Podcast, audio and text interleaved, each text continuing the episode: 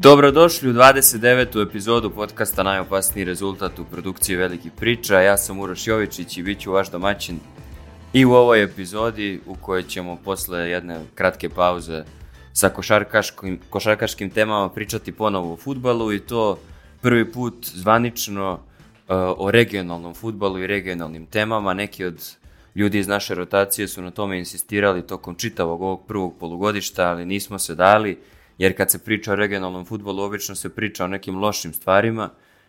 Spominjali smo domaće klubove u kontekstu europskih takmičenja i spominjali smo ih e, spominjali smo ih onako bočno dok smo razgovarali o reprezentacijama Bosne i Hercegovine, Hrvatske i Srbije, a sad ćemo konkretno razgovarati o domaćim prvenstvima i rezultatima regionalnih klubova u Europi. Zato je sa mnom po ključu danas ključna ekipa, kao ključna nedelja u koroni iz, e, nije iz Čapljine, nego iz Mostara, e, sa, prebivalište, sa prebivalište u, u Stokholmu javlja nam se Saša Ibrulj. Jesse... Sa, bo, borav, sa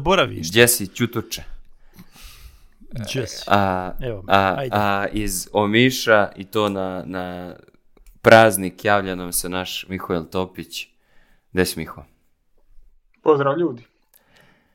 Ništa. Kad ide ovo, trebamo li čestitati ljudima praznik, sretan praznik ljudima koji slave? Pa može da čestitaš praznike, pošto svakako u narednih deset dana ne možeš da promašiš neki praznik kako god okrene. promaš. Nekom je neki, Sretno. nekom je neki praznik ili što bi rekla nova akcija velikih priča od Božića do Božića. O tome ćete imati priliku da slušate ili već imate priliku da slušate, čitate i gledate.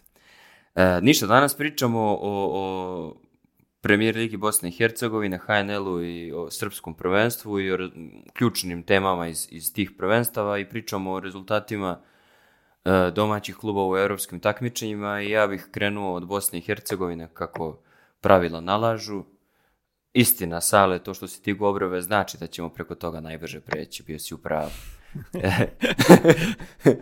e koncept ove epizode bit će da oni koji nisu iz zemlje o kojoj se priča postavljaju pitanje i tek pomalo potprckuju, a oni koji su iz te zemlje pokušavaju da daju odgovore na, na određena pitanja. Tako ćemo prvo razgovarati o, o, o bosanskom prvenstvu i Saša, aj kaži, moje prvo pitanje je naravno opšte, da nam kažeš samo kako si zadovoljan prvom polusezonom i zašto nisi zadovoljan ha, vidiš, to je trik pitanja, ali ja jesam zadovoljan, ja navijam, ja navijam za mi smo završili treći iznad svih očekivanja, tako da ja moram biti prezadovoljan polusezonom, Malo šalu na stranu, uh, tereni su bolji, uh, i, automatski se igra i malo bolji futbal, Uh, ima i dalje veliki problema, odnosno ima i dalje klasični problema kad je u pitanju Premier Liga Bosne i Hercegovine, međutim po meni futbal izgleda nešto bolje, i, i, i dalje mislim da je to jedna od naj izjednačenijih liga, a ostalom tabela pokazuje da je to jedna od najizjednačenijih liga i, i dalje mislim da se ima u čemu uživati kad je u pitanju domaći futbal. Ne na način na koji se uživa u nekom drugom futbalu, ali na jedan specifičan način ima se u čemu uživati. Tako da mislim da, da, što se mene barem tiče, ja stvarno mogu reći da sam zadovoljan onim što sam dalo vidjeti u prvom polugodištu. A Veleš te iznenadio tim trećim mjestom, jel? Pa moram priznati da jest, moram priznat da jest, zato što, što uh, sam ulazak u sezonu je bio onako u stvari, znaš što je najveći problem s ulažom Što, što kad povežeš dvije dobre sezone, e, treću možeš očekivati raspad sistema i nekakav taj strah je bio u nama svima koji navijamo za još da bi se mogao desiti raspad sistema, međutim nije, nije, stvari su posložene, stvari izgledaju sasvim solidno za premijer ligaški futbal, kad je u pitanju organizacija kluba, kad je u pitanju financijska situacija ili bolje rečeno financijska stabilnost, i ekipa izgleda dobro, imali smo onako Uh, imali smo tu trenersku promjenu negdje na, nakon 5 škola kola, ne sjećam se više točno kada, e, prije čini mi se, sa, sa Igmanom u Konjicu e, i Nedima Jusufbegovića koji je prošle godine zamijenio e, Amar ovaj put je zamijenio Dejan Klafurić, to je trener iz Hrvatske, ne znam koliko ljudi znaju, trener koji je radio u Hrvatskoj, ali trener koji je osvojio duplu krunu u Poljskoj i koji je onako bio neočekivan dolazak kad je Velež u pitanju, jer Velež obično ne traži trenere na, ta, takav način i, i, i, s tom pričom. Tako da nakon što, što je ekipa se navikla na novog trenera, mislim da izgleda jako dobro i da će druga polusezona biti izuzetno zanimljiva kad je Velež u pitanju, obzirom su treći, e, imaju isto bodova kao Sarajevo, mislim da imaju 5 bodova manje od, od Zrinjskog, daleko, daleko su od borca, ali dalje e, ambicije su plasirati u Europu, što bi bilo treći put u četiri godine i, i, i ja bio prezadovan s tim, iskreno, kao navijač. A e, sad si rekao da, su, da je borac predaleko, mislim, borac je posljednjih godina otišao predaleko, tu možemo da se složimo i na tabeli i u svemu drugome. Sad je pitanje samo e, da li su stvarno u ovoj prvoj polusezoni otišli predaleko kad je broj osvojenih bodova u pitanju. Imaju sedam bodova više čini mi se od Rinskog, što znači 12 više od, od Veleža i od Sarajeva. Jel to očekivano? Mislim, ajde, spominje, pričat ćemo malo više o Zrinskom i, i tome koliko je uticalo na njih ovo što su prvi put igrali Europu i sigurno da je to uticalo na tu razliku, ali opet deluje da je Borac iskoristio to što, što mu se pružilo. Pazi, Borac je jako, jako, jako specifična priča ove sezone ili zadnje tri sezone. Dakle, za one koji slabije prate premijer Ligu Bosne i Hercegovine, aktuelni E, predsjednik Futbolskog saveza Bosne i Hercegovine Vico Zeljković koji je prije nego što je preuzeo Futbolski savez Bosne i Hercegovine bio predsjednik Futbolskog kluba Borac. I nakon što je on preuzeo Futbolski savez Bosne i Hercegovine e, bilo je očito da se dešavaju e, nekakve situacije kad su sudije u pitanju i da, da Borac ima bez obzira što će se sad neko naljuti na mene što to tako otvorno konstatujem, ali da ima poguranac od sudija, da to tako nazovem. Međutim, iz te strane borac je kroz zadnje tri sezone postao nekako ne znam kako to, da to nazovem, omražen među svima ostalima, znaš, jer bilo je situacija koje su baš onako drastične, tipa igranje rukom u 16 tercu, golovi iz offside od 3, 4, 5 metara, e, situacije gdje imaš omjer faulova od 35-4 za, protivnik, naš, za protivnika ili da u prvi, ne znam, 10 kola su dobili šest žuti kartona ukupno. I, i, i stvorila se ta nekakva e, omraženost prema borcu i borac manje više niko osim navijača borca e, u Bosni i Hercegovini trenutno ne voli, iz, prosto, iz tog razloga. Međutim, e, I zato što drugi razlog je što su Srbi, jel? Da, nije, da je odmoglo, nije da je daleko, daleko od toga, Liga je čitava sastavljena od, od klubova koji su ono, izmiksani, do, maksimalno izmiksani, tako da te, teško da možeš nešto gledati s te strane. Barem ja ne mogu da gledam s te strane. Čitavo vrijeme se potencira ta priča. I kad je sam Vicu Zeljković u pitanju. A da, da, I, čitava situacija u Nogometnom savezu Bosne i potencira se ta priča mi, vi, oni, ali, ali nije tako. Mi barem koji pokušavamo da nekako argumentovano E, kritikujemo to što oni rade, apsolutno nas ne interesuje e, pa njihova, pa mislim da nema boljeg, nema boljeg primjera od Zrinjskog. Nema boljeg primjera od Zrinjskog, upravo tako. Imaš hrvatski klub, Nemanja Bilbija napadač prvi, e, u, obrani Sloba ne, ne, samo, ne, ne samo da su, ne samo da su nego njih dvojica dijele u suštini kapitensku ulogu. da, oni su lideri, ja, e, ne pričamo da. najbolje igrače, nego pričamo baš o liderima kluba gdje su ono. Njih Dobro, za... ja se zezam činjenica da je sloga iz Doboja na petom mestu isto ne govori u prilog tome da, da je neko tu po bilo kom osnovu ugrožen. Ja se više... Znaš I omra, omražen, samo, Znaš šta, distrikt Brčko traži svoja prava. E, znaš, znaš šta, tu, tu se u futbalu se koristi sve ono što se koristi generalno u društvu Bosne i Hercegovine, e, pa, se povlači to, znaš, kad treba, kad, kad ti treba da se da, da nađeš neki alibi u tome, nađeš ga lako u tome, znaš, u tim nekakvom protektovanju ovoga, protektovanju onoga na način, na nacionalistički način, ajde da to tako nazovem. Međutim, nemaju problema sudije druge, druge nacionalnosti da pomažu borcu, ajde da to tako ti objasnim. Ili da pomažu Zrinskom, ili da pomažu Veležu, ili da pomažu Igmanu. Kad, dođe do, dogovora, lako dođe do dogovora između različitih Jasne, konfesija. Kako to zvuči? Ali da se vratim. da se... Da, ja, da te ja samo prekidam čisto e, ono, da, da ubaci jednu anegdotu. Mm, nas je Leandro dodao jednu zajedničku grupu gdje on kupio najbolje sa svih strana, između ostalog tu je i analitičar iz e, borca kojeg nakon svakog kola prcaju sa svim sudačkim odlukama koje su suđene u korist borca. I to je nešto najzabavnije ikad. I onda se on jadan vadi, e, pa nije tako, pa, pa, Stefan, naš, pozdrav Stefan ako sluša, pa nije tako, ali sudilo se njima ovdje, su... naravno, činjenice nas ne zanimaju, zanima nas samo to da je borac šta privilegiran. Idemo dalje ali al to, to sam htio da kažem, u suštini nije borac jedini privilegiran, da ti kažeš samo se borcu pomaže, pa da, da, da se zaustaviš na tome i znaš, imaš taj borac i to je to. Pomaže se i nekim drugim, pomaže se i klubovima koji, koji su i dalje u vrhu kojima se priča kao najorganizovanijim. Poma, pomaže se i činjenicom da su sudije same od sebe jako loše. Loše, da. I onda to, to djeluje kao pomaganje, znaš, a to je više mislim kao da je to zajednički imenilac svih, na, svih ovih naših liga i o kojima ćemo istina. danas pričati. Baš je odvratno. Suđenje je vjerojatno najgore od svega u, u tim ligama. Daleko, ali ovo je jedna stvar koju sam htio da se, da se nadovežem i, i povezano u stvari sa, sa borcem koji je na vrhu i borcem koji je privilegovan.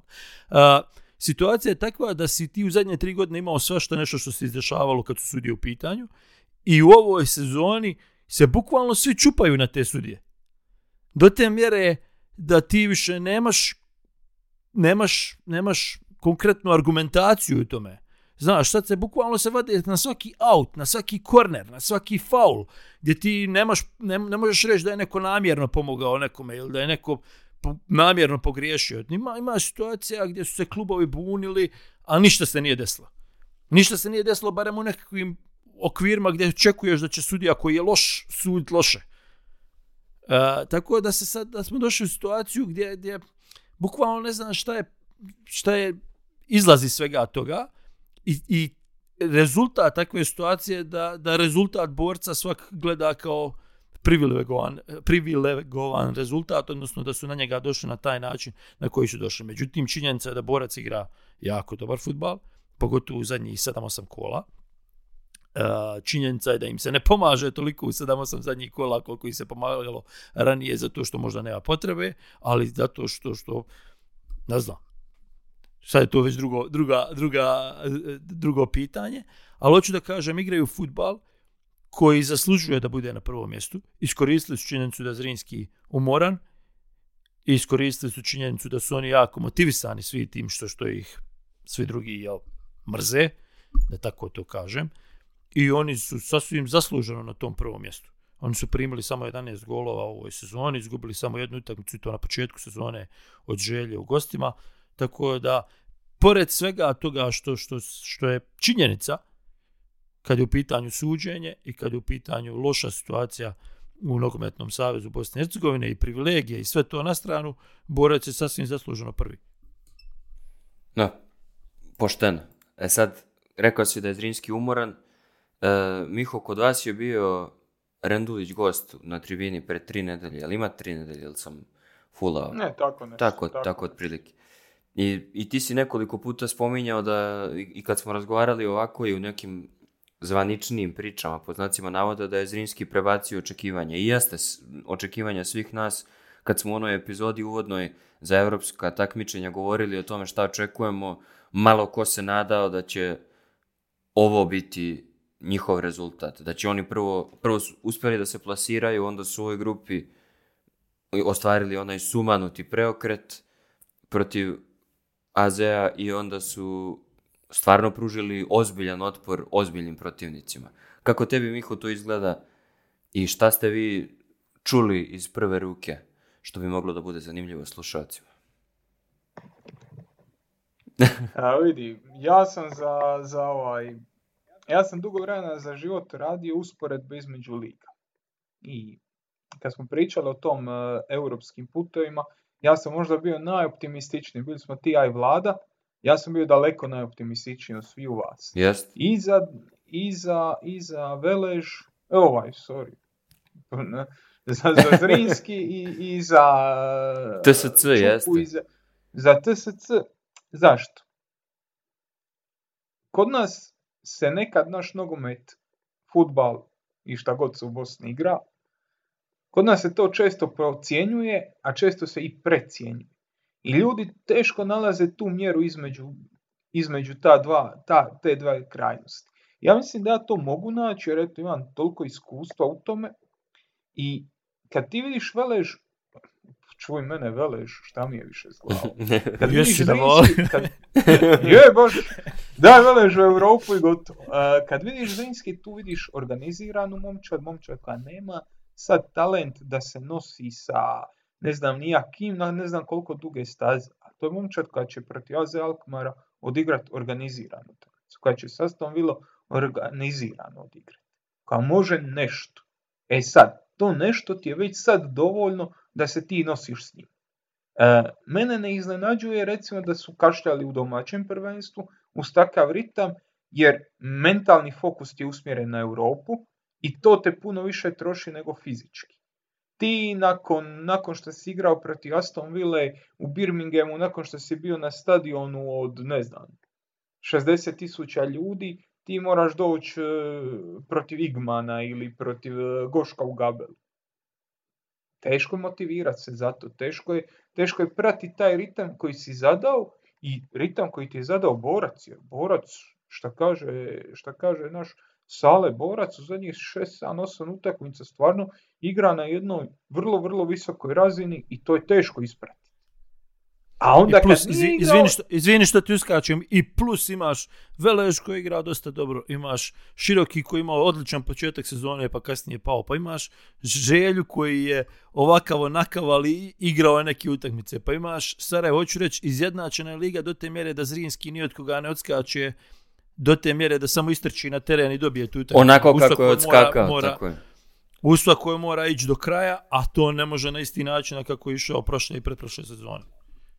Pa evo, ima, imaš, tu, imaš tu situaciju da su igrali protiv AZ Alkmara, izgubili 1-0 u gostima i četiri dana kasnije izgube od zvijezde.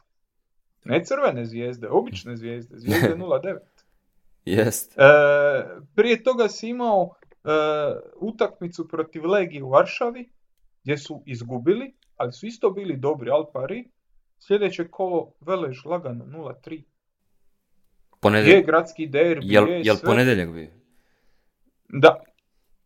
Yes. E, Sjećaš se da je Sale bio vesel naj, najveseliji podcast koji smo ikad snimili. Onda imaš prije toga, imaš, imaš kad su Legiju igrali doma. Igrali su protiv Legije doma, 2-1, posuši u gostima 2-2. Znaš, zašto je meni zanimljivo? Nisu, nisu navikli na taj ritam i kad im gledaš e, da su nakon europskih utakmica uvijek imali taj kiks u sljedeću, pa, to, to ti objašnjava, to ti objašnjava ovih e, sedam bodova razlike. To je tih sedam bodova. gdje ti je Europa odnijela fokus. Jer si bio koncentriran na Alkmar, bio si koncentriran na Aston Villa, bio si koncentriran na Legiju iz Varšava. Znaš kako, e, za, to je potpuno normalno jer je to njima prvi put da se s tim suočavaju. Ako budu, već sljedeći put će biti drugačije, već sljedeći put će imati možda pripremiti možda nešto širi roster, možda će oni isku, biti iskusniji, neće im sam taj odlazak u Birmingham biti, naš ono, emocionalno pražnjenje i fizičko i svako drugo, da kad dođu onda da igraju, što kaže Miho, na stadionu na kome je 365 ljudi, da im ne bude, znaš ono, da im, da im se ne živi dvije, dvije stvari koje su meni e, zanimljive kad je u pitanju Zrinski i ovo što je, što je sad Miho pričao. Prva stvar, e, ja nisam bio apsolutno ni malo iznenađen njihovim rezultatima u grupnoj fazi, jer ovo što kažeš, lako je se motivisati za takve utakmice. Prvi put si tu igraš sa Vilom u Birminghamu, igraš sa Legijom, igraš sa... A nije, nije, to sad kvalitet da će te razvaliti onako kako se očekivalo kod nas. I ti kad uzmeš šta je Zrinski odigrao ove, Evropi, ove godine u Europi, lošije su oni odigrali sa Armencima kući i lošije su odigrali sa Islanđanima u gostima ili drugo poluvrijeme sa Islanđanima kući nego što su odigrali Legiju, Alkmar i, i Vilu u gostima. I, I u grupnoj fazi najlošija utamica mi je bila ono koji su dobili 4-3, to je najzamljivije od svega, jer su prvo po ugazio i Alkmar, ali, ali tako futbal jel, funkcioniše. Ali druga stvar koja, koja je tu, sve ovo što ste naveli je istina, i sve ovo što ste naveli su činjenice kad je u pitanju umor i, i, i motivacija u premijer ligi Bosne i Hercegovine. Ono što je mene malo negativno iznenadilo je reakcija Zrinskog kao kluba na sve to. Jer ako, ako smo sad mi razgovarali ovdje, ja sam nešto govorio da sam očekivao nešto u tom smislu da će se desiti da će igrati ok u Europi, da će ima problema na domaćem terenu. i ako je Miho to isto rekao prije početka sezone i ti isto isto Uroš rekao prije početka sezone, očekuješ da to ljudi koji sjede u klubu uh, očekuju da se desi ove sezone i zato mi nije jasna takva reakcija da otjeraš trenera nakon, nakon eh, poraza od Veleža. Razumijem da tu priču... I, i pazi znaš... kojeg trenera. Mislim, pazi koji ti svoju duplu krunu i uveo to u Europu. I, u fazi. I, i, i, mislim, taj tim u grupnoj fazi, koliko god vas dvojica bili optimistični ili procenjivali možda realnije od mene, e, to kako će oni da se prikažu. Ja mislim da niko nije mogao da pretpostavi da će oni onako da odigraju protiv Vila na gostovanju. Ma naravno, Da će, da će Vila morati da se usere da im da jedan gol, da će oni imati 35 e, šuteva, da će imati 6-7 šuteva i, i 2-3 šuta u okvir po utakmici. Ja nisam to očekivao, ja sam očekivao da će u nekim utakmicama da sednu u svoj kazneni prostor, da neće izaći.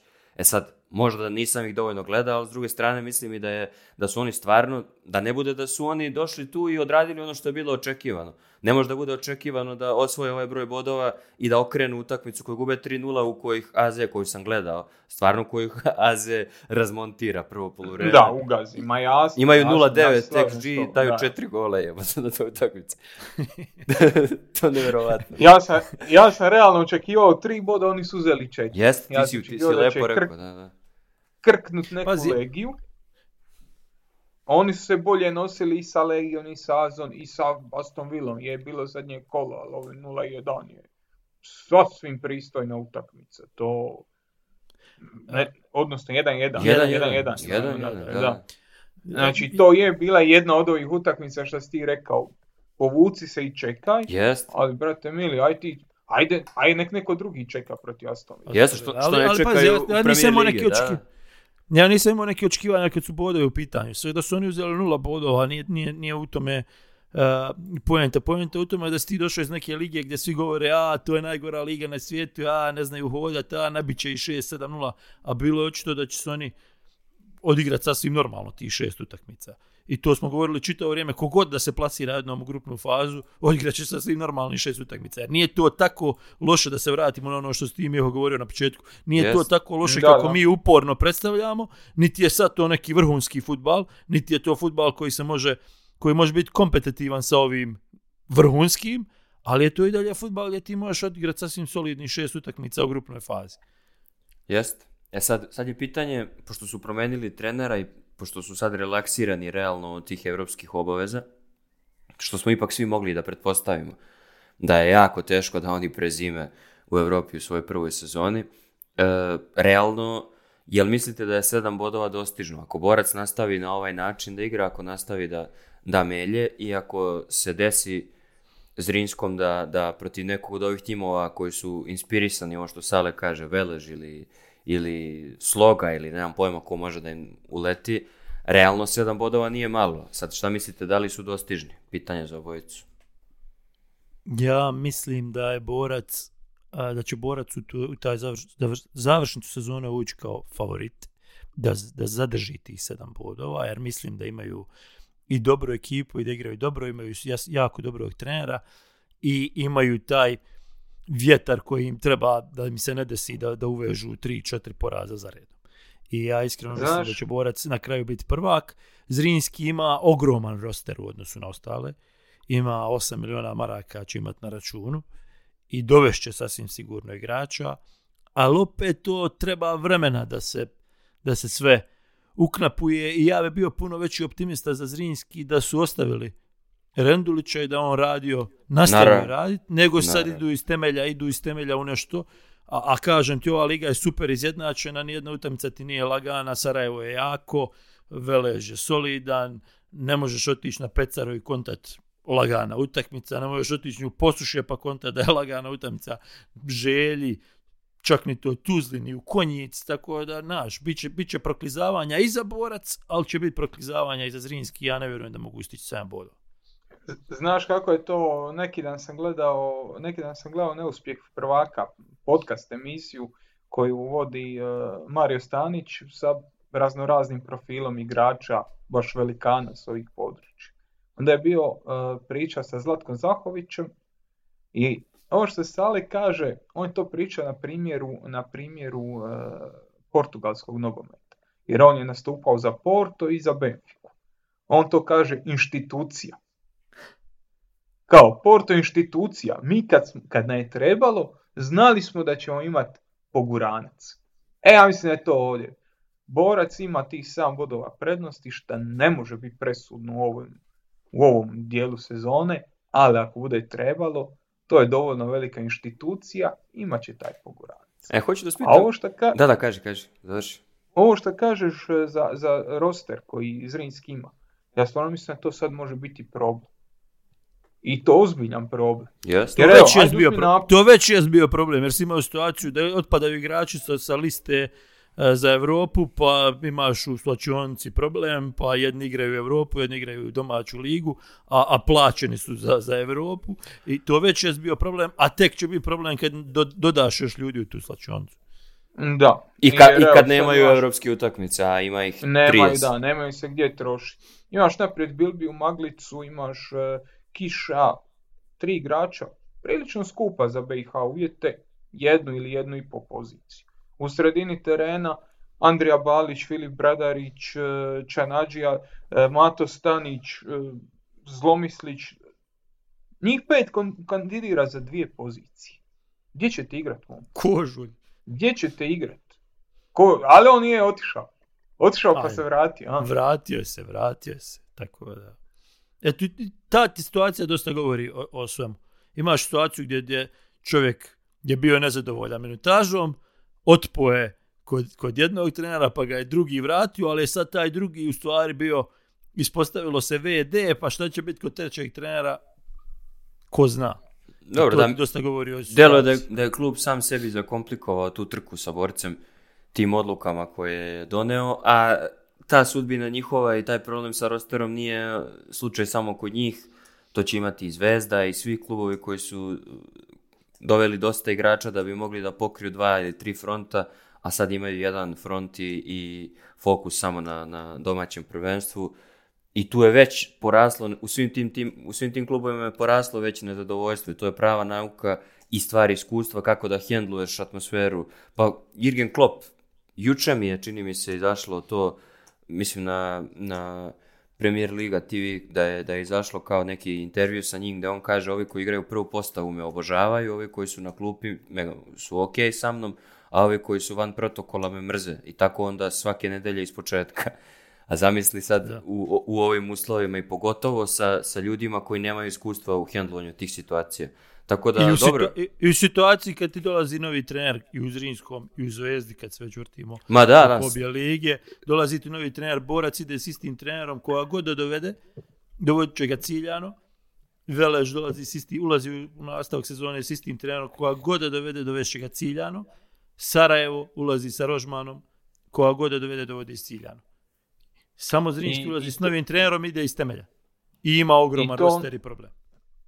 I to što kažeš, događa ti se situacija u kojoj ne, ne samo što dovodi nove igrače ili će ih dovoditi da bi zadovoljio neku svoju ideju, nego kad Klop dovodi nekog igrača, on mu jasno kaže, vidi, meni je. igra Salah, igra mi ovaj, ti si 12, 13 ili 20 igrač. A kad Novi trener dovodi kod nas igrači, to je problem i u Zvezdi, i u Dinamu, i Ma svuda, u Hajduku, ako hoćeš. Moraš da ga ubediš da ti je on najvažniji, da bi uopšte došao. Da ti je on najvažniji, a nije, a nije. najvažniji, neće biti. a plus, plus govorimo o Premier League BH gdje svakako je Zrinski imao problem da dovodi igrača, jer ako igrač ima ponudu iz HNL-a ili ako igrač ima ponudu iz, iz ajmo reći, iz, iz top 5 e, e, Lige Srbije ili bilo gdje u inostranstvu radije će ići tamo nego da bude glavni igrač u Zrinskom i za veće pare. I oni to, konstantno se priča o tome, taj problem ima i Sarajevo koji ima novu, ali ne može da dovede igrače, taj problem imao ovaj Zrinski i ovo ljeto kad je trebao igrati Evropsku ligu, odnosno ovu konferencijsku ligu, pa nije mogao dovesti, i dalje nije mogao privući igrače. Znači ti bukvalno ideš igraču, govoriš, a ti ćeš nama biti najvažniji, najbolji, naj, naj, naj, naj, naj, a dovodiš ga u slačionicu gdje već 25 ljudi očekuje da bude sve to što si im obećao prije 15 dana, u toj slačionici su neki ljudi ono starosedeoci. I jako je, jako je a pogotovo u klubovima gdje imaš dosta tih starosedelaca, što se dešava svuda, da moraš da napraviš neku vrstu preseka pa da nekog, nekom se zahvališ, a ne možeš ni te nove tako lako da staviš na njihovo mesto. Vrlo komplikovana situacija, tako da, ne, eto, složili smo ne, se sva trojica da je borac ne samo da je favorit da ostane na prvom mjestu. Iz... Ali ne samo, izvinim što te prekidam, ali ne samo da su starosjedioci, nego u Zrinskom su ti starosjedioci i dalje nosioci igre. Nosioci igre, tako je, tako je. Ako se, ako se ne varam, Bilbija ima sa asistencijama i golovima 20 od, od, od 39 što je zabio Zrinski ove sezone. Jest. I, aj sad ti, trebaš dovesti napadača za lovu i, i zamijeniti Bilbiju koji je u suštini legenda kluba, najbolji strelac u istoriji, najbolji, najbolji ovo u istoriji, najbolji ono u istoriji. Ne, ali kad si rekao imaju 8 miliona maraka na računu, ja bih sad voleo da sam u toj situaciji, da, ono, da sam, da sam muva na zidu, da vidim kako će oni da raspoređuju te pare, šta će, mislim kad, su, kad je dovođenje igrača u pitanju, kakvu će strategiju da naprave i potpuno naravno je drugačije ako, ako ne budu prvaci, kako će sljedeće godine izgledati te kvalifikacije? Da, kaže. To, to je u suštini najbolja stvar sa ulaskom Zrinjskog u Europsku u konferencijsku ligu. Dobili smo klub koji u grupnu fazu, međutim dobili smo skroz novu situaciju za premijer ligu Bosne i Hercegovine gdje imamo na terenu to da oni igraju duplo više utakmica i, i drugi klubovi to koriste, ali da vidimo kako će oni reagovati kao najbolji, najorganizovaniji i sve to što mu pričamo, da vidimo kako će oni reagovati na sve to i na način na koji će. Jer dosta smo imali mi situacija milion gdje su klubovi zaradili lovu, pa je spržili ne znajući kako, je, kako hendla tu lovu.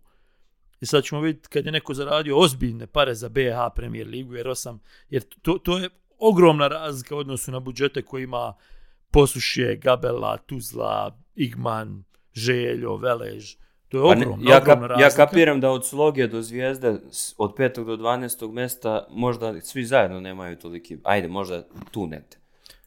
Ajde, ajmo reći da je tu negdje. Ali, ali hoću da ti kažem, dobro je to što ćemo vidjeti kako će reagovati. Jer sad Zrinski je sebi stvorio preduslove da napravi dominaciju sljedećih deset godina.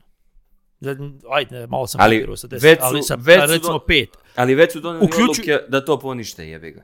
Već ali već ove odluke, e, to, to, to, to, već ovo što su napravili s trenerom je, kad gledaš sa strane, djeluje kao, kao pogrešna odluka. I sada su imali Maku Ivakovića koji je domaći momak, koji ima 40, sad ću lupit dvije ili pet godina, nije važno, dakle mladi trener, njihova legenda kluba, čovjek koji poznaje ligu i koji je vodio ekipu koliko, 7-8 utakmica i koji je čuknuo taj jedan bro, bod protiv Aston Ville i koji je odigrao sasvim solidno u, u Holandiji ili u Nezuzemskoj I ti, tebi je to stvar vršilac dužnosti i kakva je to poruka tvom kadru, kakva je to poruka tvom razvoju igrača, mladih, kakva je to, jer on im je bio trener u mladinskom pogonu, kakva je to poruka inače generalno trenerima u BH, to je drugo pitanje, tako da... Da, mislim sad, da Za sad ne reaguje, da, da, ne, ne, ne, ne djeluje kao da reaguju onako kako bi trebala Treba. reagovati ekipa koja se izdvaja od svih ostalih. E sad, e, ako smo za Bosnu rekli da, da mislimo za, za bosansko-hercegovačko prvenstvo, da mislimo da će lider da ima najveće šanse da zadrži tu poziciju, sad možemo da pričamo o dva prvenstva u kojima to nije potencijalno slučaj i u kojima Mislim da Miho u svakoj epizodi tribine dobije pitanje je li dalje misliš da, da, će, da je Dinamo glavni favorit za titulu. Ja, evo, posljednjih deset epizoda, posljednjih deset kola mislim da je da dobiješ isto pitanje. Evo ja ću te pitam isto. Je li dalje misliš da je Dinamo glavni favorit za titul. Apsolutno. I to je postao running gag na tribini, ali ja to i dalje mislim. E, volio bi da ne bude tako, da se razumimo. Volio bi da Hajduk osvoji titulu ali pričamo o institucijama. Pričamo o stvarima koji će se dogoditi, evo recimo, e, Zrinski je odigrao više utakmice u Europi od Dinama. E, njegove kvalifikacije su bile duže. E, odgodio je utakmicu u domaćem prvenstvu. E, izašlo mu su susret kad se trebalo izaći, ali sad kad podvučeš crtu, Borac ima 18 utakmica, Zrinski ima 18 utakmica, Velež ima 18 utakmica, Sarajevo ima 18 utakmica. Znači, Zrinski je svoje odgođene utakmice nadoknatio. Igrao istu Europu kod Dinamo. Sve isto. E, u ovom trenutku Hajduk ima 19 utakmica, Rijeka ima 18 utakmica, Dinamo ima 17 utakmica. Znači Dinamo ima dvije utakmice manje koje nije nadoknadio i gdje se čeka prijelazni rok da se odradi, da se dovedu igrači i da se na temelju toga Dinamo pojača i naravno utakmicama protiv Lokomotive i Varaždina koje su odgođene, gdje je Dinamo već krvario na ovoj polusezoni. E, samo konteksta radi 1-1 e, su igrali sa Varaždinom, a Lokomotivu su okrenuli tek duboko u sudačkoj nadoknadi. E, tako da nisu to lagane utakmice. E, ali na proljeće možda budu malo lakše, jer za početak Dinamo je doveo glavnog igrača Varaždina, kupio je e, Frana Brodića koji je prvi strelac kluba, dovodi ga na, na zimu, igraće utakmicu u kojoj će Varaždin biti bez njega. Lokomotiva isto tako. Lokomotiva će vjerojatno prodati na zimu jednog, dva igrača E, prodat će, odnosno vratit će se Moreno Živković koji je vjerojatno i najbolji stoper, će se vratiti natrag u Dinamo, jer on igrač na posudbi tamo, i onda igraš protiv te lokomotive, a Dinamo će skrkat 2-3-4 bilijuna eura na pojačanja ove zime. To su potpuno neregularni uvjeti. To je suludo, to je van svake pameti. S tim da mi uopće ne znamo, jer Dinamo za razliku i od Zrinskog i od recimo Zvezde, igra na proljeće, Mi ne znamo kad će se ta jedna utakmica nadoknuti. Da, to možda bude april. Prva će se... Ali vrlo je vjerojatno da će biti april, možda i maj, jer Dinamo ima sad prije početka sezona će nadoknaditi jednu utakmicu, onda će imati e, sa Betisom dvije, dvije e, utakmice. Ako prođe te dvije, onda ti je to april-maj. I dolaziš u situaciju da Igraš utakmice kad tebi odgovara, igraš utakmice kad tebi treba.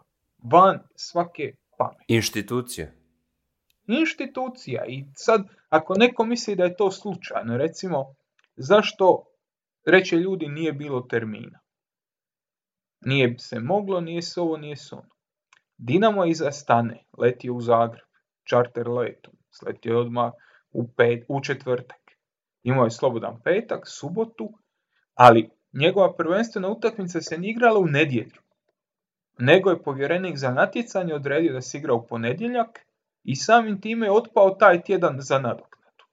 I onda će neko reći kao, ej pa oni nisu imali kad nadoknaditi, igrali su u... E, igrali su u ponedjeljak, pa opet u, u subotu nisu mogli igrati u srijedu, jer nemaš dovoljno, znaš, nemaš dovoljno dana između UEFA ti brani ako nije dovoljno. Pa dobro, da su igrali u nedjelju i mogli... A da su igrali u nedjelju, bome bi bilo.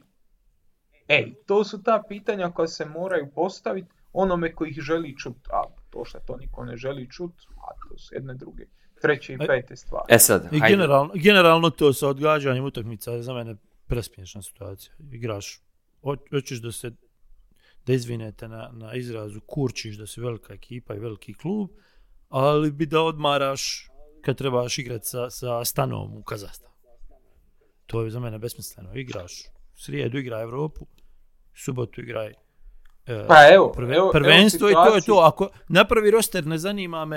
E, I, i ta priča konstantno što nam govore, a, ali to je za dobitak nas sviju, bo, bodovi u Europi, ovo ono. Ma iskreno, ne Ma super. Ne interesuje. Ma super. Ma okej, neki. Evo, Ma samo, samo treba da se nadoknadi Dinamo... u istoj polusezoni u kojoj se Upravo, odlažu. I, I, nek odlažu, nemam I... ništa protiv. Samo odigraj do, do, do, do kraja decembra. Ja, ja, čak ima, ja čak imam problem s odlaganjem po principu koji je to napravljeno u Hrvatskoj. U Hrvatskoj svi klubovi koji igraju u Europu imaju pravo na džoker. Znači da bez ikakve, ikakvog objašnjenja 7 dana unaprijed kažu ej mi ne igramo iduću utakmicu. To je iskoristila Rijeka, to je iskoristio Dinamo, to je iskoristio Osijek, Hajduk nije ove godine, ali recimo nije mu Osijek nije, nije mu trebalo. E, Osijek i Gorica su sad poravnati. Zašto bi Osijek nadoknadio tu utakmicu? Jel ti puno? Pa igra s juniorima kum. Jel ti puno? Pa imaš rezervnu ekipu, igra s njima. Yes. Pa izgubit ćeš, wow, wow, šta, šta ima veze? Kako, kako je to pošteno prema Gorici, koja se evo sad bori za to četvrto mjesto s tim Osijekom, Osijek je svoju utakmicu odgodio. I Gorici u jednom trenutku gorilo pod nogama, ima dva suspendirana igrača, ima e, dva ozlijeđena, pa zašto i oni ne bi odgodili? ali generalno, kako, kako je to fair prema prema Varaždinu koji ne igra nikako Europu pa i ne zarađuje lovu od Europe i ne može dovesti igrače od love koju zarađuješ u Europi, a Dinamo ima ti lupam 4, 5, 6 miliona eura koje može potrošiti na igrače. Prijatelju, igraš Europu, potom se izdvajaš od sviju nas, napravi veći roster, dovodi igrače, radi što hoćeš, igraj s juniorima, ali nemoj odgađati utamice. Ne, to je ono što sam malo preko. Nemoj se kurči da si veliki klub, ali bi da, da igraš kao mi mali. E pa ne može tako. To ste u pravu, ali još šlag na tortu svega toga što je pogrešno je to da oni mogu da odigraju u drugoj polusezoni da nađu utakmice. To, je tek priča za sebe, to je neregularno. to je, Miho, Miho, je dugo, dugo, dugo, dugo, dugo vodio da bi rekao ono što, je, što se moglo reći na početku, takmičenje u HNL-u ove sezone je neregularno. Jer ovo je e, neregularno. Ja neću to, to reći da smo mi prvi, pa će reći osvojili ste neregularno. Kad ne budemo više prvi, onda ćemo to trumiti. Ali ne, ozbiljno, takmiče je neregularno. To što kažeš, sad će Dinamo povući dva igrača sa, sa, posudbe i utakmicu sa, lokomotivom. To nema smisla. Evo će im poslati tri igrača na posudbu pa će reći, ali stane ova trojica, ne mogu igrati. Čak i da ne uradi to, čak i da ne, ne, ne, ne manipuliše igračima uopšte s tim ekipama, je neregularno jer je totalno drugačiji kontekst. Da li, igrao, da li igraš s njima u, u, u sredom u decembru ili igraš, ili igraš s njima bilo koje srede u aprilu. Drugačije... Pa sad smo pričali, posuši je uzelo Zrinskog zato što je Zrinski tri dana ranije e, igrao dobro protiv Legije. Yes. Ili što je 5 dana ranije ga je zvijezda ga uzela zato što je 3 dana ranije, ne znam, igrao protiv Alkmaar. Jeste, da je Zrinski mogao, fora... Pazi, ne govorimo samo, ne govorimo samo, ali, ali ne govorimo samo o, tome da, da je neregularno za Dinamo koji je prvi, ili drugi, ili treći, nego je neregularno i za ekipu koja se bori za ostanak. Jer Zvijezda igra sa Zrinskim nakon što je nakon što je Zrinski došao iz Europe i umoran je, a lupam da, da je odgodio utajmicu sa Posušjem, i, i, igrao je do godine, bio bi odmorni i dobio bi Zrinski, to je posuši. Ma, naravno. I to je neregularno onda i za posuši i za Zvijezdu. O tome ovdje govorimo. Govorimo o teoriji. Nije, nije to što će oni posuditi igrača ili napraviti malverzaciju s ovim ili napraviti malverzaciju Ma, U te, teoriji je to neregularno prvenstvo. E sad, sad, ja bih volio da se prebacimo na Hajduk koji je, koji, iako bi Dinamo dobio što se očekuje obe utakmice koje zaostaje za, za Hajdukom. Hajduk i dalje ima jedan bod prednosti. Hajduk je pobedio dva derbija u prvenstvu i jedan odigrao nerešeno i to ovaj posljednji utakmica kojom je zatvorena faktički e, prva polusezona i Hajduk je odigrao realno bolje od, od onoga što se očekivalo jer u nekim trenucima, kako je počela sezona je počela porazom u Superkupu, ali tako mi je ispravi Sve što pogrešim ti me ispravi. Pa je onda pobeđen prvi derbi to preokretom i onda je... ali je bilo u, u, onih prvih devet utakmica i generalno tokom čitave ove prve polusezone Hajduk se mučio na malim utakmicama, po znacima navoda. Ove velike utakmice odigrao bolje, nego što se očekivalo, uzeo možda i više bodova nego što se očekivalo, ali je u malim utakmicama mučio muku. Ok, moglo je da se, jedan kiks je mogao sigurno da se otpiše na to da ste ga vi na tribini izbaksuzirali, jer ste baksuzi. Koga god, pa koga god, na, na, naša krivica. Koga god spomenete, taj nagraba na u sljedećem kolu, ali realno ima tu i problema sa tim kako se Hajduk snalazi protiv ekipa koje izađu sa jasnim ciljem da da stanu da, da, nisko i da... Da ih ne zanima ništa. I da ništa, tako je. Da, tako je. da, da. E, vidi, Hajduk ima, kad se uračunaju te dvije utakmice prednosti, e, ima bod, ali faktički ima dva boda. Jer ima bolje Jer u Hrvatskoj, skor, da. u Hrvatskoj u slučaju jednačenog broja bodova se gleda međusobni skor da Dinamo zadnju utakmicu dobije 14-0, taj skor je na strani Hajduka i de facto imaš dva boda prednosti. Šta si imao? Imao si taj super kup s kojim se otvorila sezona gdje je Hajduk bio bez Livaje, ali je bio jako dobar, izgubio je. Onda si imao utakmicu u prvenstvu gdje imaš Livaju natrag i gdje imaš Dinamo koji te razbija prvo poluvrijeme, vodi 1-0, Bruno Petković ti promaši penal i onda se Hajduk iščupa Golom u sudačkoj nadoknadi u 93. minuti gol glavom, Roka spuštaš zabije i tebi se okreće sezona na tom mjestu. E, kazao si i, bilo je problema, je, recimo Hajduk je dobio Rijeku, to je ta utakmica kad je Rijeka došla iz, e, iz Kosova. E, Rijeka je igrala protiv du... E, iz takozvane Republike Kosova, da, da, da. pardon.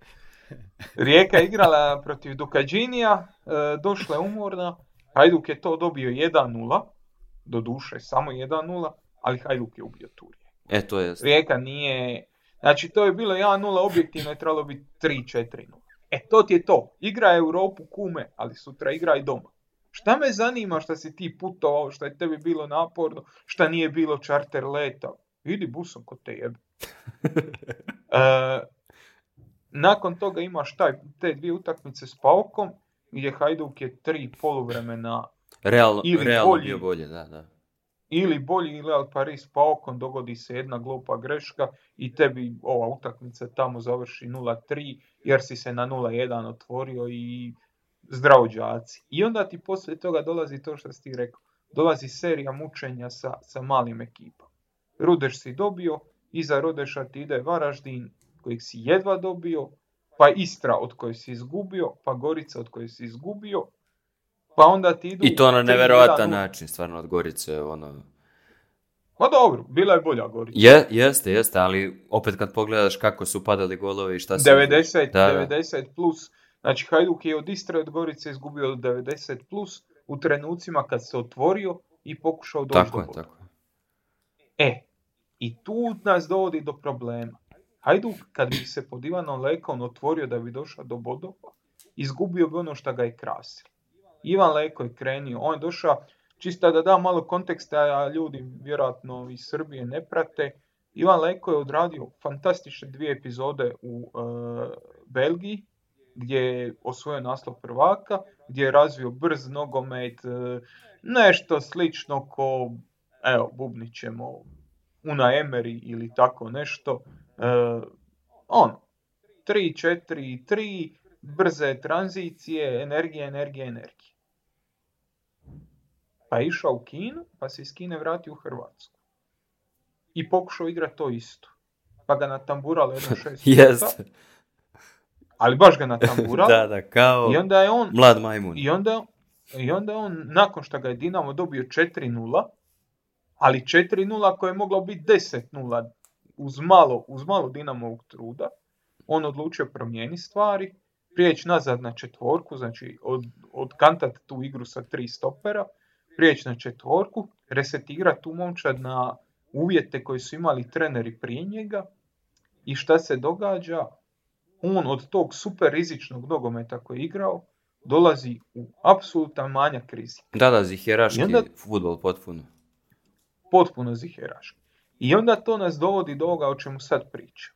Kad igraš protiv Dinama, Pauka, e, hoćeš i Rijeku tu ubrojiti, te utakmice koje na početku sezone ili dobijao ili izgledao jako dobro u njima, ključ je bio u tome što si ti minimizirao rizik, onemogućio si suparnika ti napravi, da ti napravi e, šanse, a ti si prema naprijed imao Livaju koja je, koji je iza Pauk, on bio najbolji igrač. Ma da, e, na terenu e, da, on je bio i najbolji igrač svoj dobno u Hajduk došao iz Ajka, on je bio najbolji igrač e, Grčke lige, najbolji igrač Hrvatske lige, tu i tamo turi loptu do njega, on će riješiti. I onda ti se dogode ove male utakmice, kad ti se oni povuku, ti igraš ziheraški 60 ili 70 minuta, zadnjih 20 minuta počne gori pod nogama i šta? Ti kreneš naprijed. I onda to oni iskontriraju, jer ti napadačku igru nemaš, nego igraš ili Ziheraški ili Horuk.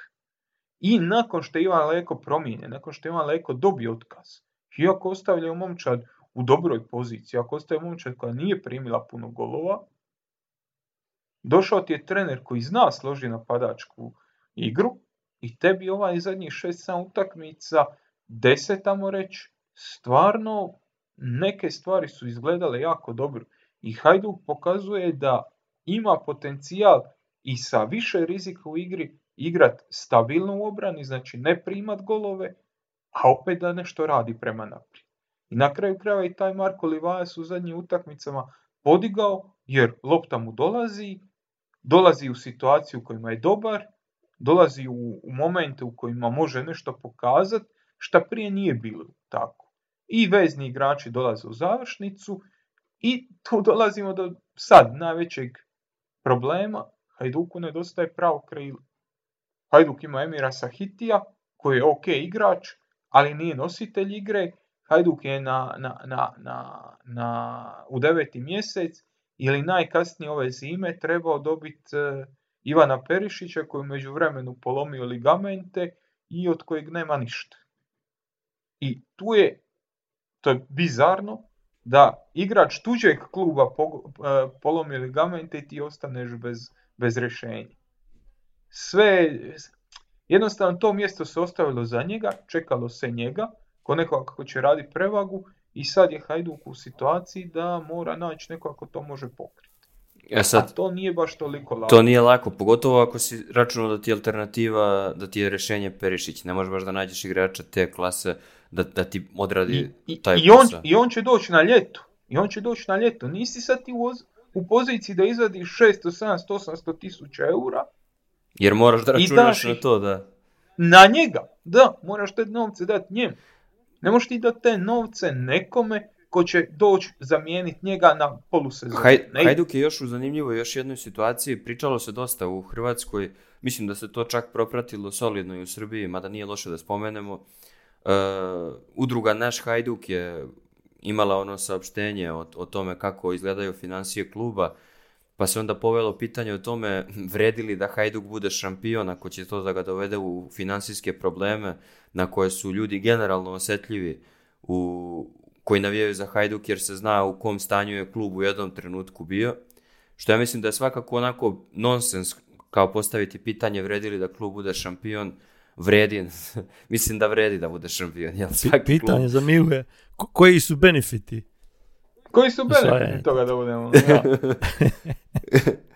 E, e sad, ono što je zanimljivo, to je da, da Hajduk jeste na, na prvom mestu, na, na zimskoj pauzi. Hajduk ima priliku da, da se pojača kao i, i ostali, kao i Dinamo. Dinamo će to sigurno da radi i da prospe neki novac jer je evidentno da im trebaju pojačanja. Hajduk ima i taj bod prednosti i, i ima trenera koji je, čini se dobro legao, koji je mislim bio tu već, vodio je tu ekipu, zna, Tako je, znate on, igrače. bio privremeno, tako je. On je bio privremeno, ali Karoglan je odradio je deset, pokazao do sada da je, da. Da, je dobro rješenje. I sad, znači, manje više možemo da kažemo da je sve u Hajdukovim rukama, iako objektivno nije zbog svih stvari koje si ti naveo i regularnosti i neregularnosti prvenstva i toga kako će Dinamo da se ponaša. Namo se vratiti namo se vrati na ono što smo rekli za, za, borac. Dinamo imao krizu koja je bila ogromna. Znači to je bilo na rubu katastrofe i Dinamo je u Osijeku gubi 2-0 i dobije dva, ajde, jedan je čist penal, drugi je najsmješniji penal na svijetu. Ali da je on dobio. Niko drugi u hnl ga nije dobio. Isti taj kontakt, ista stvar u prvom kolu nije suđena Hajduku protiv tog istog Dinamo. Ista stvar iduće kolo nije suđena Gorici i neće biti suđena nikome, ali u tom trenutku je suđena Dinamu, VAR je našao kontakt, pokriće neko imaš i sviran je penal kojem je Dinamo preokrenio utakmicu i osvojio ta tri boda. Dinamo, borac, e, sve institucije, ne mora se njima pomagati iz kola u kolo. Ne, nekad ide dobro, nekad imaš superiornu kvalitetu, ne treba tebi pomoć u svakoj minuti svake utakmice. Tebi treba pomoć u jednom, dva ili tri trenutka i Dinamo zna da će to dobiti. Hajduk na to ne može računati. Realno ne može. Hajduk mora Mora da poveđuje, pobeđuje, pogotovo te male utakmice, mora u kontinuitetu da pobeđuje. Ajde kad bi, znam da si ti, da ti te projekcije često radiš, kada bi trebalo da, da, da, da kažeš koliko bodova je Hajduku potrebno da bi bio prvak sigurno u, u, ostali, ostalim utakmicama. Koliko još ostalo? Oni su odigrali 19, znači imaju još 17 utakmica do 17 do utakmica, Hajduk, Dinamo 9. Koliko, koliko bi Hajduk realno bodova morao da osvoji da bi, da bi obezbedio? Hajduk sad ima 41. Tako je. I vjerojatno bi trebalo 82-3 da bude prvak.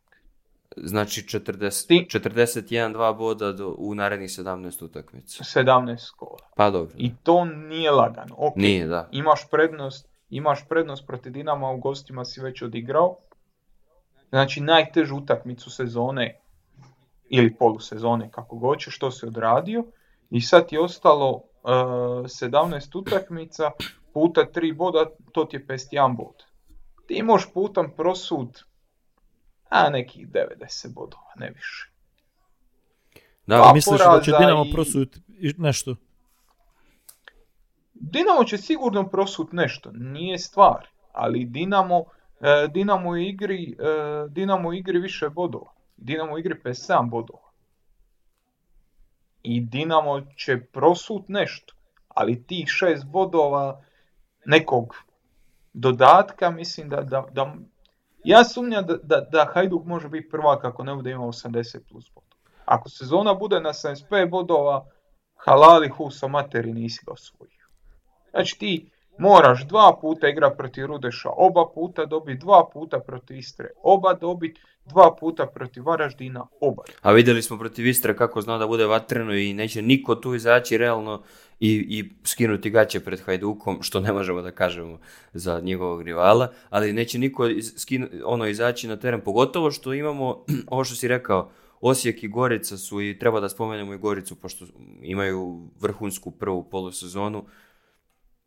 Oni su izjednačeni, oni imaju svoju borbu za, za četvrtu poziciju uh, imaš ispod, ok, Rudeš je zakucan za dno i oni će ispasti sigurno, ali i, bit će važ, važnih utakmica i za te manje timove. Na kraju krajeva svaka utakmica protiv Hajduka je pa, protiv Pa evo, ti govoriš, ti govoriš za Istru. Hajduk i Istra su igrali u zadnjih pet utakmica, Hajduk ima jednu pobjedu. Da, da.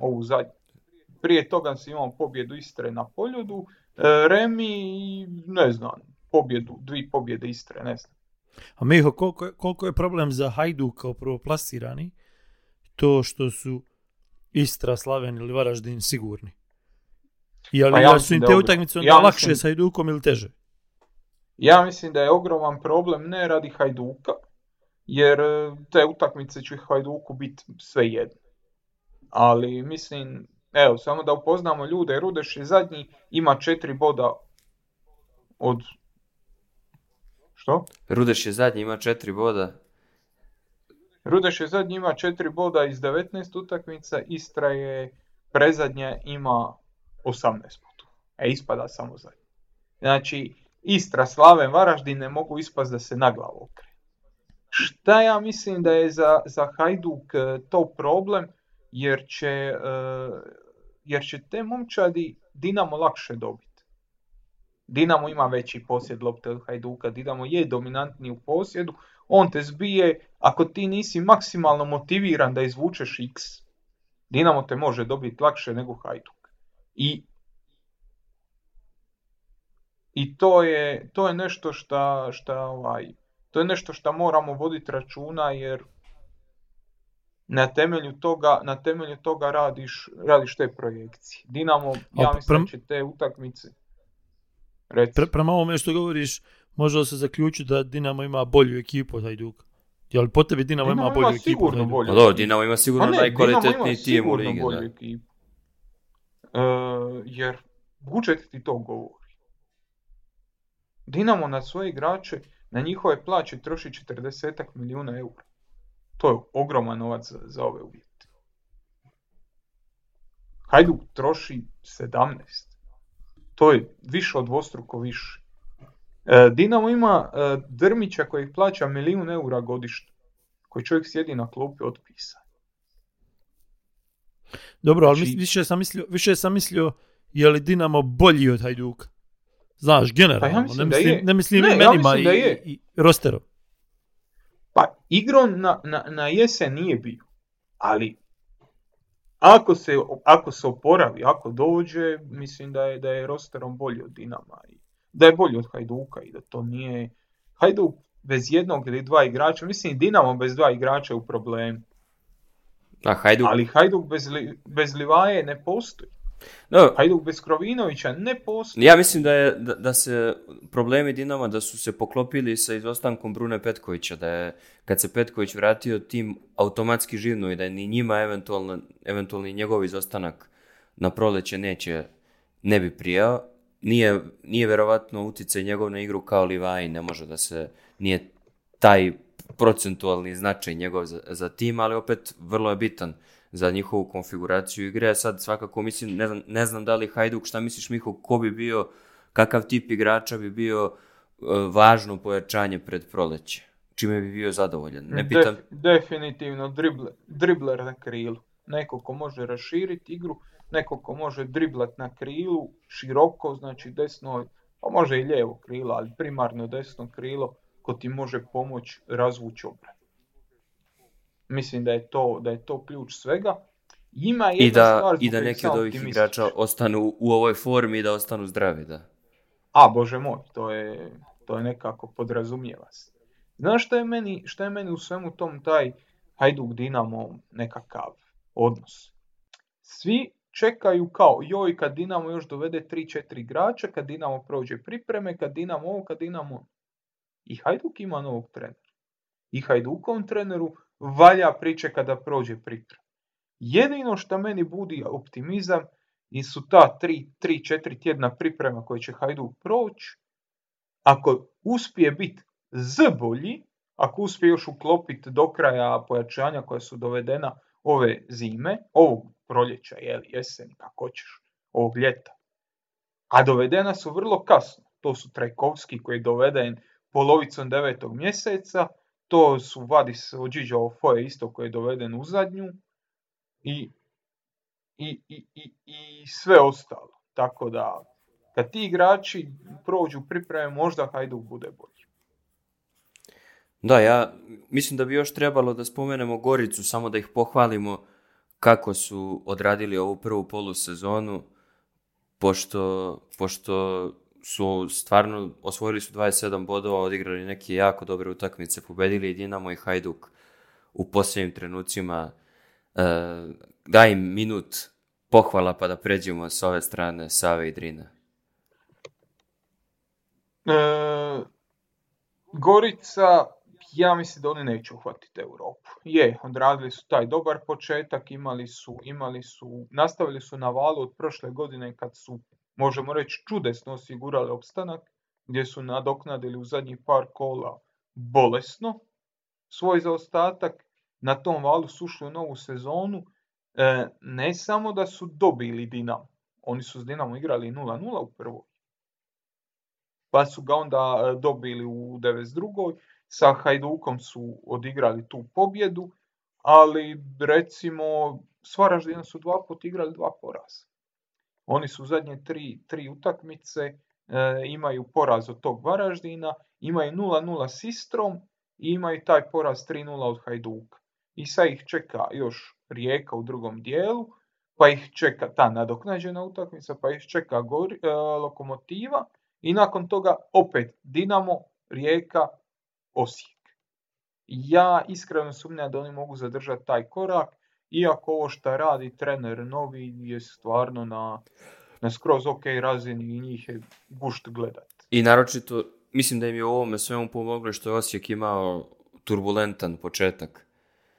Ne samo, ne samo početak sezona, nego generalno celu polusezonu cijela je bila turbulentna, tako da ako se oni sta, I, I nastavit će se biti i turbulentna.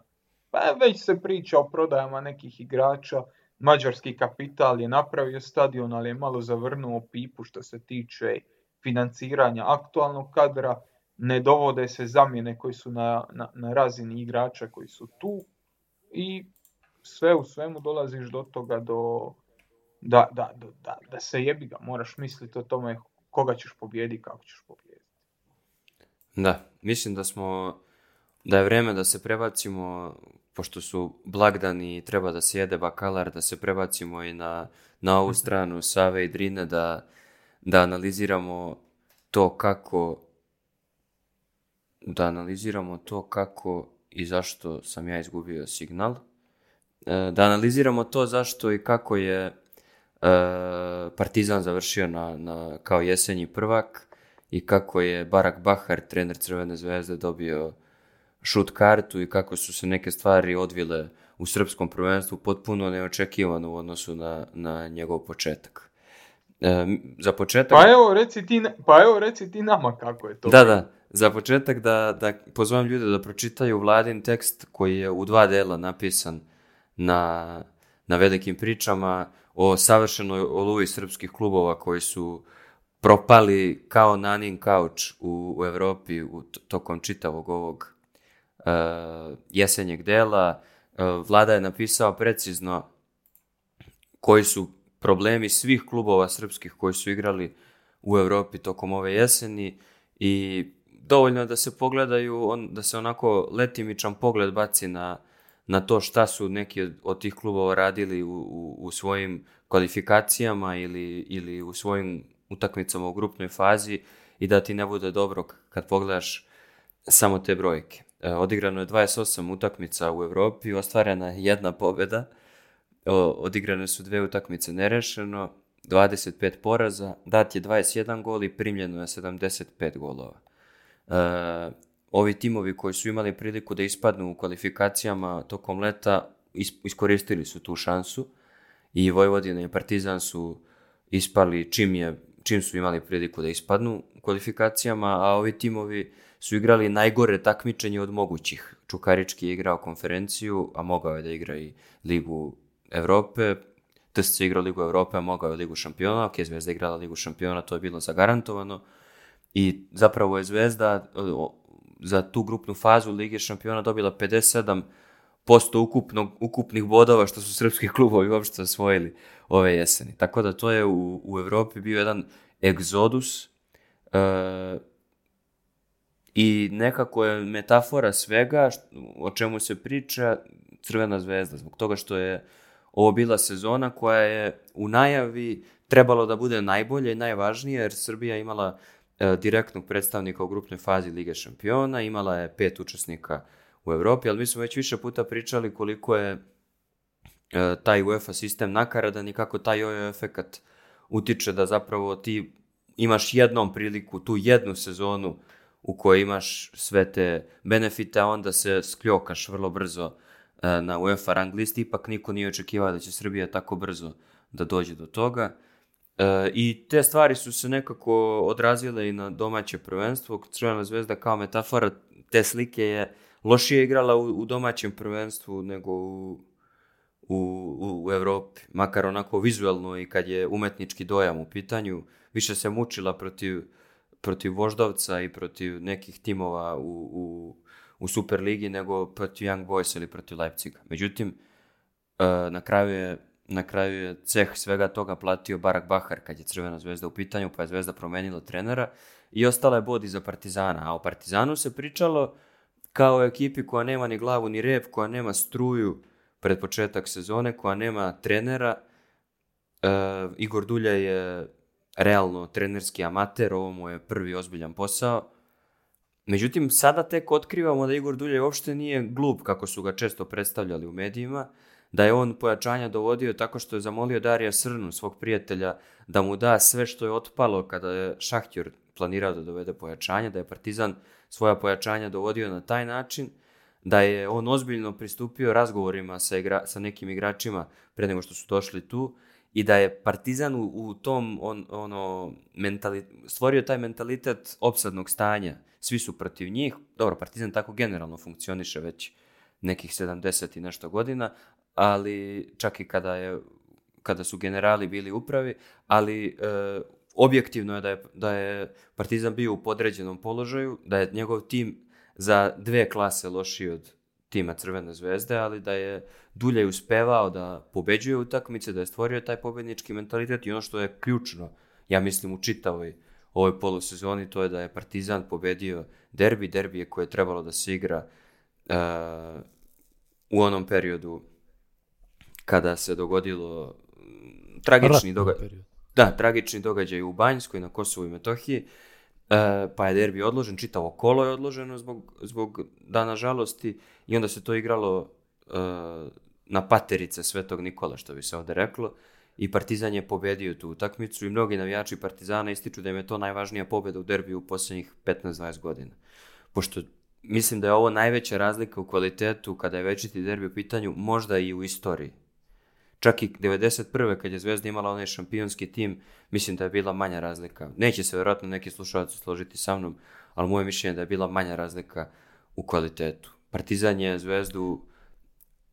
Zvezda je imala puno šansi. Zvezda je imala ono što je zapravo trebalo E, što su navijači od nje tražili u prethodnim godinama, kada je pobeđivala derbi 1-0 ili bilo završavano 0-0 ili 1-1, Zvezda je sad stvorila mnogo šansi, ali nije davala golove i to je ono što je mučilo zapravo i u Europi. Ako pogledate utakmicu protiv Young Boysa u Bernu, Zvezda je imala 800% šansi i jednu stativu i nije postigla ni jedan gol.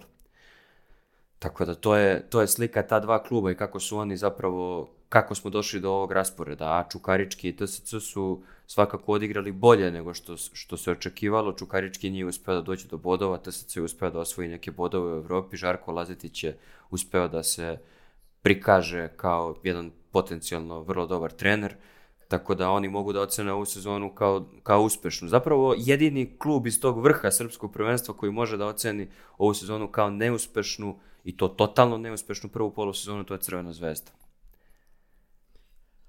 Ali kad si govorio, da se vratim na početak i, na taj kraj, kad govoriš o europskim rezultatima, dobro, aj, logično je da su rezultati, da nemaš iste rezultate kakve imaju kako ima Dinamo, jer Dinamo igra u konferencijskoj ligi, ti igraš u ligi prvaka, to je prva stvar. Ali druga stvar, zanima me kakav je stav ljudi u Srbiji, obzirom da ogromna većina ljudi navija za Crvenu zvezdu i za Partizan. E, kakav je stav ljudi u Srbiji, koliko su ta dva kluba, u stvari kriva što ti imaš situaciju da su ti tri, tri kluba u grupnoj fazi, a da ne mogu napraviti rezultat. Jer i sad imaš situaciju da je Partizan na koliko? 47, Zvijezda je na 46 i onda imaš dva najbolja sljedeća na minus 10 i na minus 12. Odnosno, čitava ta situacija u ligi, koliko je to krivac za to što, što Srbija ne može napraviti bolji rezultat u Evropi. A... Zanima me kako, ljudi gledaju na to, obzirom da tako puno ljudi navija za zvijezdu. Za pa, pošto, ti, pošto je većina navija za Zvezdu i za Partizan, oni će ti onda reći pa dobro, Zvezda i Partizan su jedini zaslužni što, Srbija uopšte ima pet predstavnika, pošto ovaj peti i četvrti i ovi svi ne bi imali e, ne bi nikad u, u životu uspeli da se izbore za to da Zvezda i Partizan nisu osvojili sve te bodove u Evropi u posljednjih pet godina.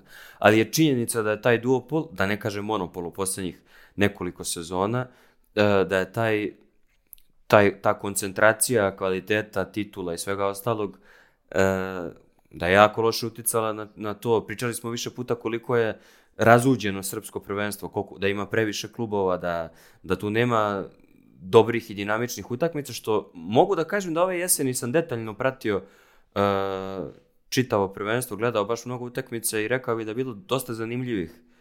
Da je bilo zanimljivije, da je bila zanimljivija polusezona nego mnoge prethodne, a sa čim se to poklapa?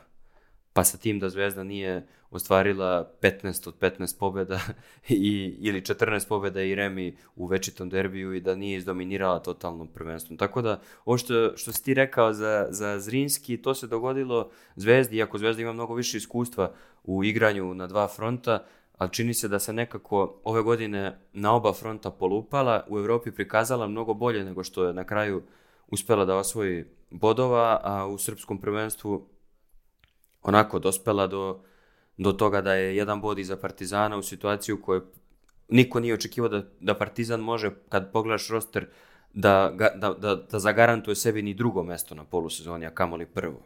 Jer realno TSC i Partizan imaju to Alpari timove. Ako se ne varamo, ovo je već drugi ili treći ili četvrti put da pričamo o, o, o, o regionalnom futbalu i svaki put smo zaključili da Srbija ima preveliku ligu pogotovo nas dva, tri koji nismo iz Srbije, od su što u Srbiji o skraćenju lige.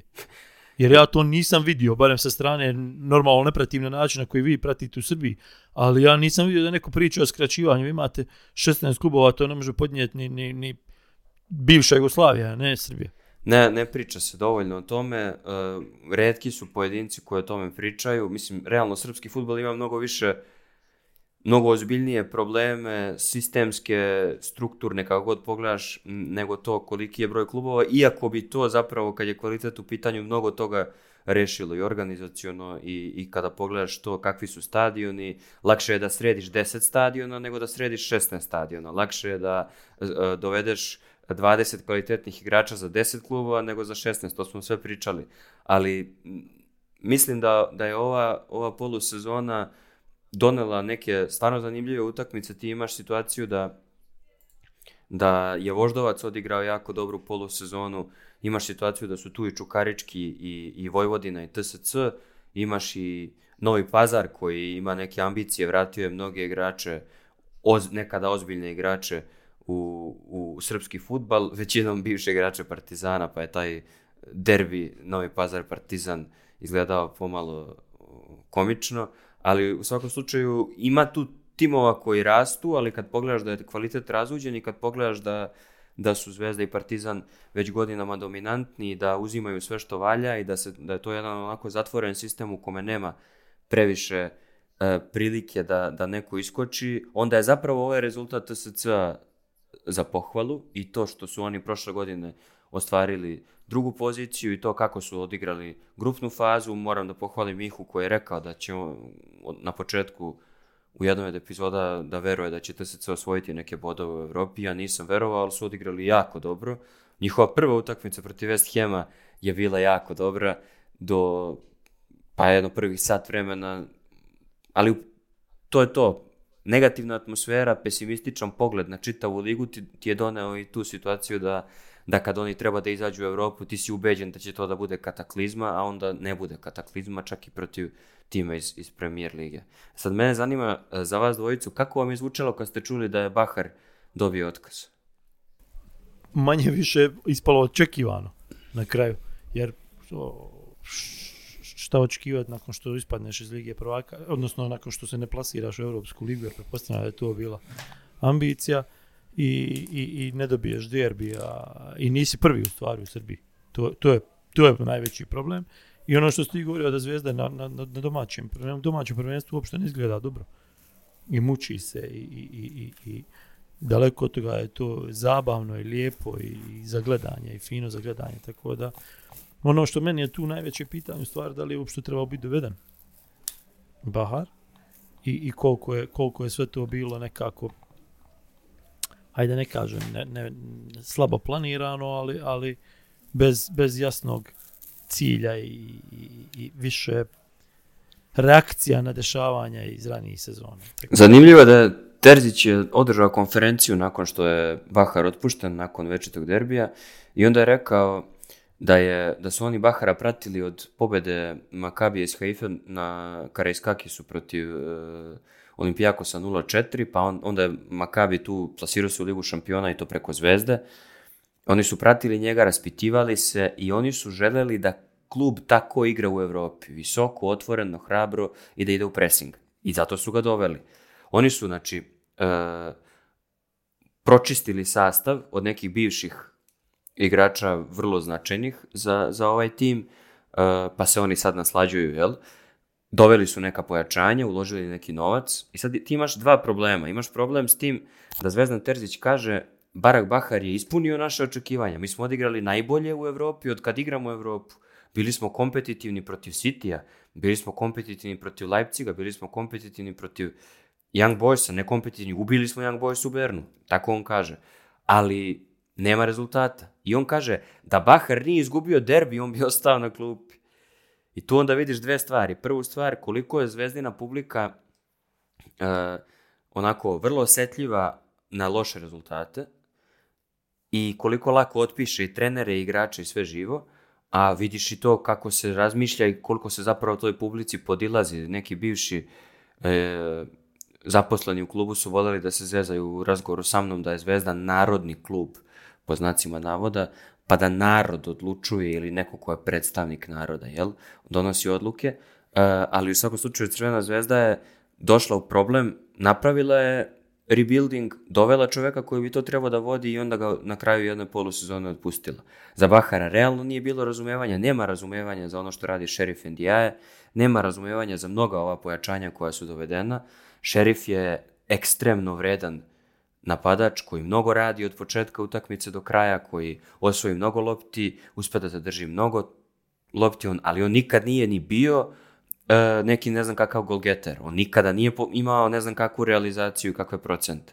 Međutim, to nije tako predstavljeno. I generalno Zvezdin zapad, pogotovo, ali i generalno Zvezdina publika ne toleriše napadače koji su čuj radnici. Ako ne daje 20 golova po sezoni, taj nije ništa. Zvezda jeste imala smešnih promašaja neiskorišćen, gomilu neiskorišćenih šansi i protiv Leipciga, ti si bio na toj utakmici u Beogradu koja je završena 2-1, a koja je realno mogla bude završena i, i 2-2 i na samom kraju i iako je Zvezda odigrala katastrofalno prvo polovreme, pa onda to u Bernu, pa to protiv Young Boysa gde si ih posljednjih pola sata u Beogradu zgazio, nije se obrukala protiv Manchester city ali smo rekli na početku, gleda se rezultati, mora se osvojiti četiri boda. Zvezda osvojila jedan bod i to je nedovoljno. Zvezda je bila bod iza Partizana i Bahar je s tim morao da se nosi. Ono što je zanimljivo meni je da li će Zvezda uspjeti da preokrene situaciju u prvenstvu, da li će Partizan uspjeti da izdrži na prvom mestu.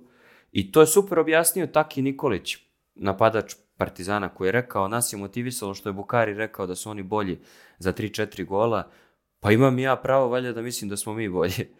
Ili imam ja pravo da verujem u moj tim. I u pravo je 100%. Koliko god da je Zvezda š, ima širi roster, ima kvalitetni tim, skuplje igrače. E, Partizan ima čemu da se nada i Partizan ako dovede kvalitetna pojačanja može da se nada da će uspeti da izdrži. Ima još jedan derbi koji ne, ne sme da izgubi. Ako ga ne izgubi i ako bude pobeđivao, Zvezda, e sad Zvezda je dovela specijalca za domaće prvenstvo, Vladan Milojević je trener i to ti opet, to, te opet vraća na tu uh, ambivalentnost zvezdinih navijača. Kad je Vladan Milojević bio trener, Zvezda je igrala e, dosta rigidno, dosta pragmatično, bez puno lepršanja, bez ikakvog izletanja i ne znam čega, osvajala, osvojila četiri voda u grupi sa PSG-om, Napolijem i Liverpoolom, pobedila Liverpool na Marakani koja, koja je te godine postao prvak Europe. E, on nije izgubio ne znam koliko derbija, ali zvezdini navijači nisu bili zadovoljni što je pobeđivao derbi 1-0, 2-1 ili što su derbi završavani nerešeno.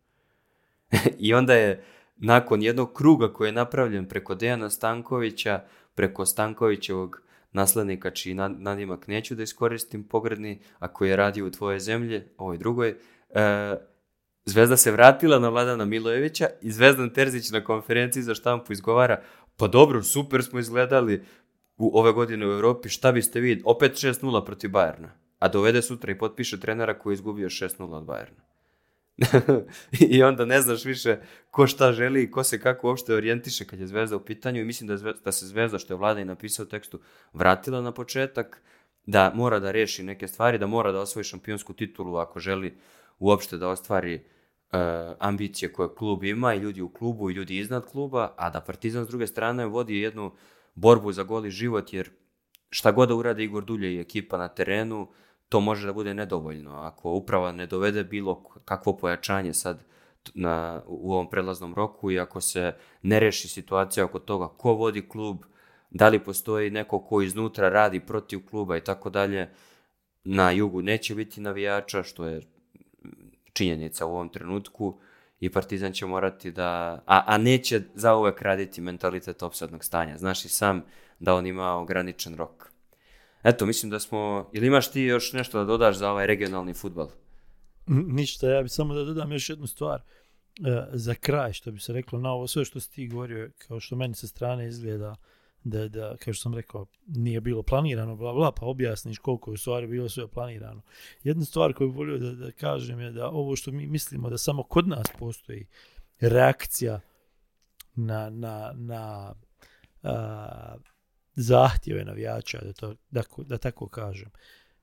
Svuda to ima. Apsolutno čitav futbal tako funkcioniše, osim top, top klubova sa top, top vlasnicima koje nije, privatnim vlasnicima koje nije briga šta navijači pričaju, ali ostali, ovaj nekakav nivo koji smo mi, koji je zvezda, koji je Dinamo je druga stvar, Dinamo je imao problem nekakav, ali recimo koji je Hajduk, koji je Partizan, koji je, da ne nabrajam sad sve klubove, isto tako reaguje.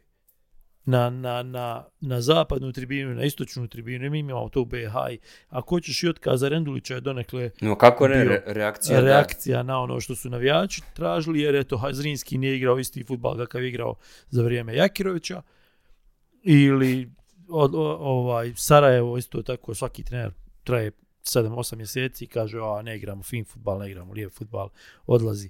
I, i, i to je taj krug koji se dešava i u Bosni i dešava se i kod Zvezde i dešava se, ali i u, i u i u Hamarbiju i u i u Volerengi i u Norveškoj koji misliš da su hladni i nikad se im se to ne dešava, daleko od toga isto tako se to dešava u svim klubovima tog ranga osim, kažem ti, top klubova gdje ti imaš privatne vlasnike koje nije briga, šta mi kažemo, dok trošimo lovu. Imaš jednu drugu krajnost, u ovaj. Manchester United, gdje navijači već mjesecima ne mogu da objasne koliko su nezadovoljni, kako im tim izgleda, vlasnici... Ali al takvi klubova imaš deset jest, na svijetu. Jest, Ono što je problem je što su i navijači recimo Zrinskog u ovoj situaciji, navijači Hajduka u nekoj situaciji, navijači Veleža, Sarajeva, Partizana i Zvezde to je nekako malo teško izgovoriti, ali pogotovo za ljude na ovim prostorima, ali e, ne znam da li je pravi izraz razmaženi, to svakako nije i vrlo često se koristi ne znaju oni šta je zvezda, ne znaju oni šta je partizan, ne znaju oni šta je taj grb Zrinskog, ne. To je više stvar razumevanja konteksta, ono, football heritage, to kaže Mourinho na, onoj, na onoj konferenciji. Pa onda pročita, brat, one, onu statistiku pa objasni šta je United bio u posljednjih deset godina, šta je pod njim. A to, je, to, bi, to bi valjalo objasniti i generalno futbolskim navijačima. Bojim se da se sa njima ne priča dovoljno i ne objašnjava im se dovoljno. I u Baraku Baharu su najviše tekstova pisali ljudi koji, su, koji imaju neku vrstu agende protiv uh, protiv Nekoga. njega ili protiv nekoga. To, to, to je problem generalno društva, što se dijelimo na, za i protiv. Ne možeš biti ne možeš biti kritičar, možeš biti samo za i protiv. Ili si protiv ovoga, pa si za nekoga, a za nekog radiš ili, ili obrnuto. Nema, nema. Problem je da ne možeš imati svoje mišljenje i argumentovati to svoje mišljenje. To ne postoji. I sad ako ti kažeš navijačima Zrinskog da je greška što su oterali ovog čovjeka, Mislim, ne oni, nego što je klub oterao ovog čovjeka i koliki bi to problem mogao da, da bude za klub i u ovoj sezoni i u trci za titulu i u narednim sezonama i tako dalje. I ako objasniš navijačima e, Zvezde i svih drugih klubova da, nije dobro da se treneri teraju posle šest mjeseci, oni će reći pa dobro care, a, rezultati? Pa gde je pečat? Tako da e, velike priče su zapravo prilika za, sve ljude koji nemaju dovoljno e, koji nemaju dovoljno informacija o, o, o svemu što, što se dešava oko njihovih klubova i koji nemaju dovoljno možda e, objektivan pogled i analizu da pročitaju neke tekstove i poslušaju podcaste koji na taj način analiziraju stvari. Hvala vama dvojici što ste bili sa mnom u, u ovoj epizodi i čujemo se u novoj godini, jel tako? Uživajte za, za praznike pa, pa se slušamo dalje. I vi nas slušajte, imat ćete specijalnu epizodu 1. januara i nadalje se slušamo redovno utorkom. Hvala na pažnji i prijatno. Vidimo se.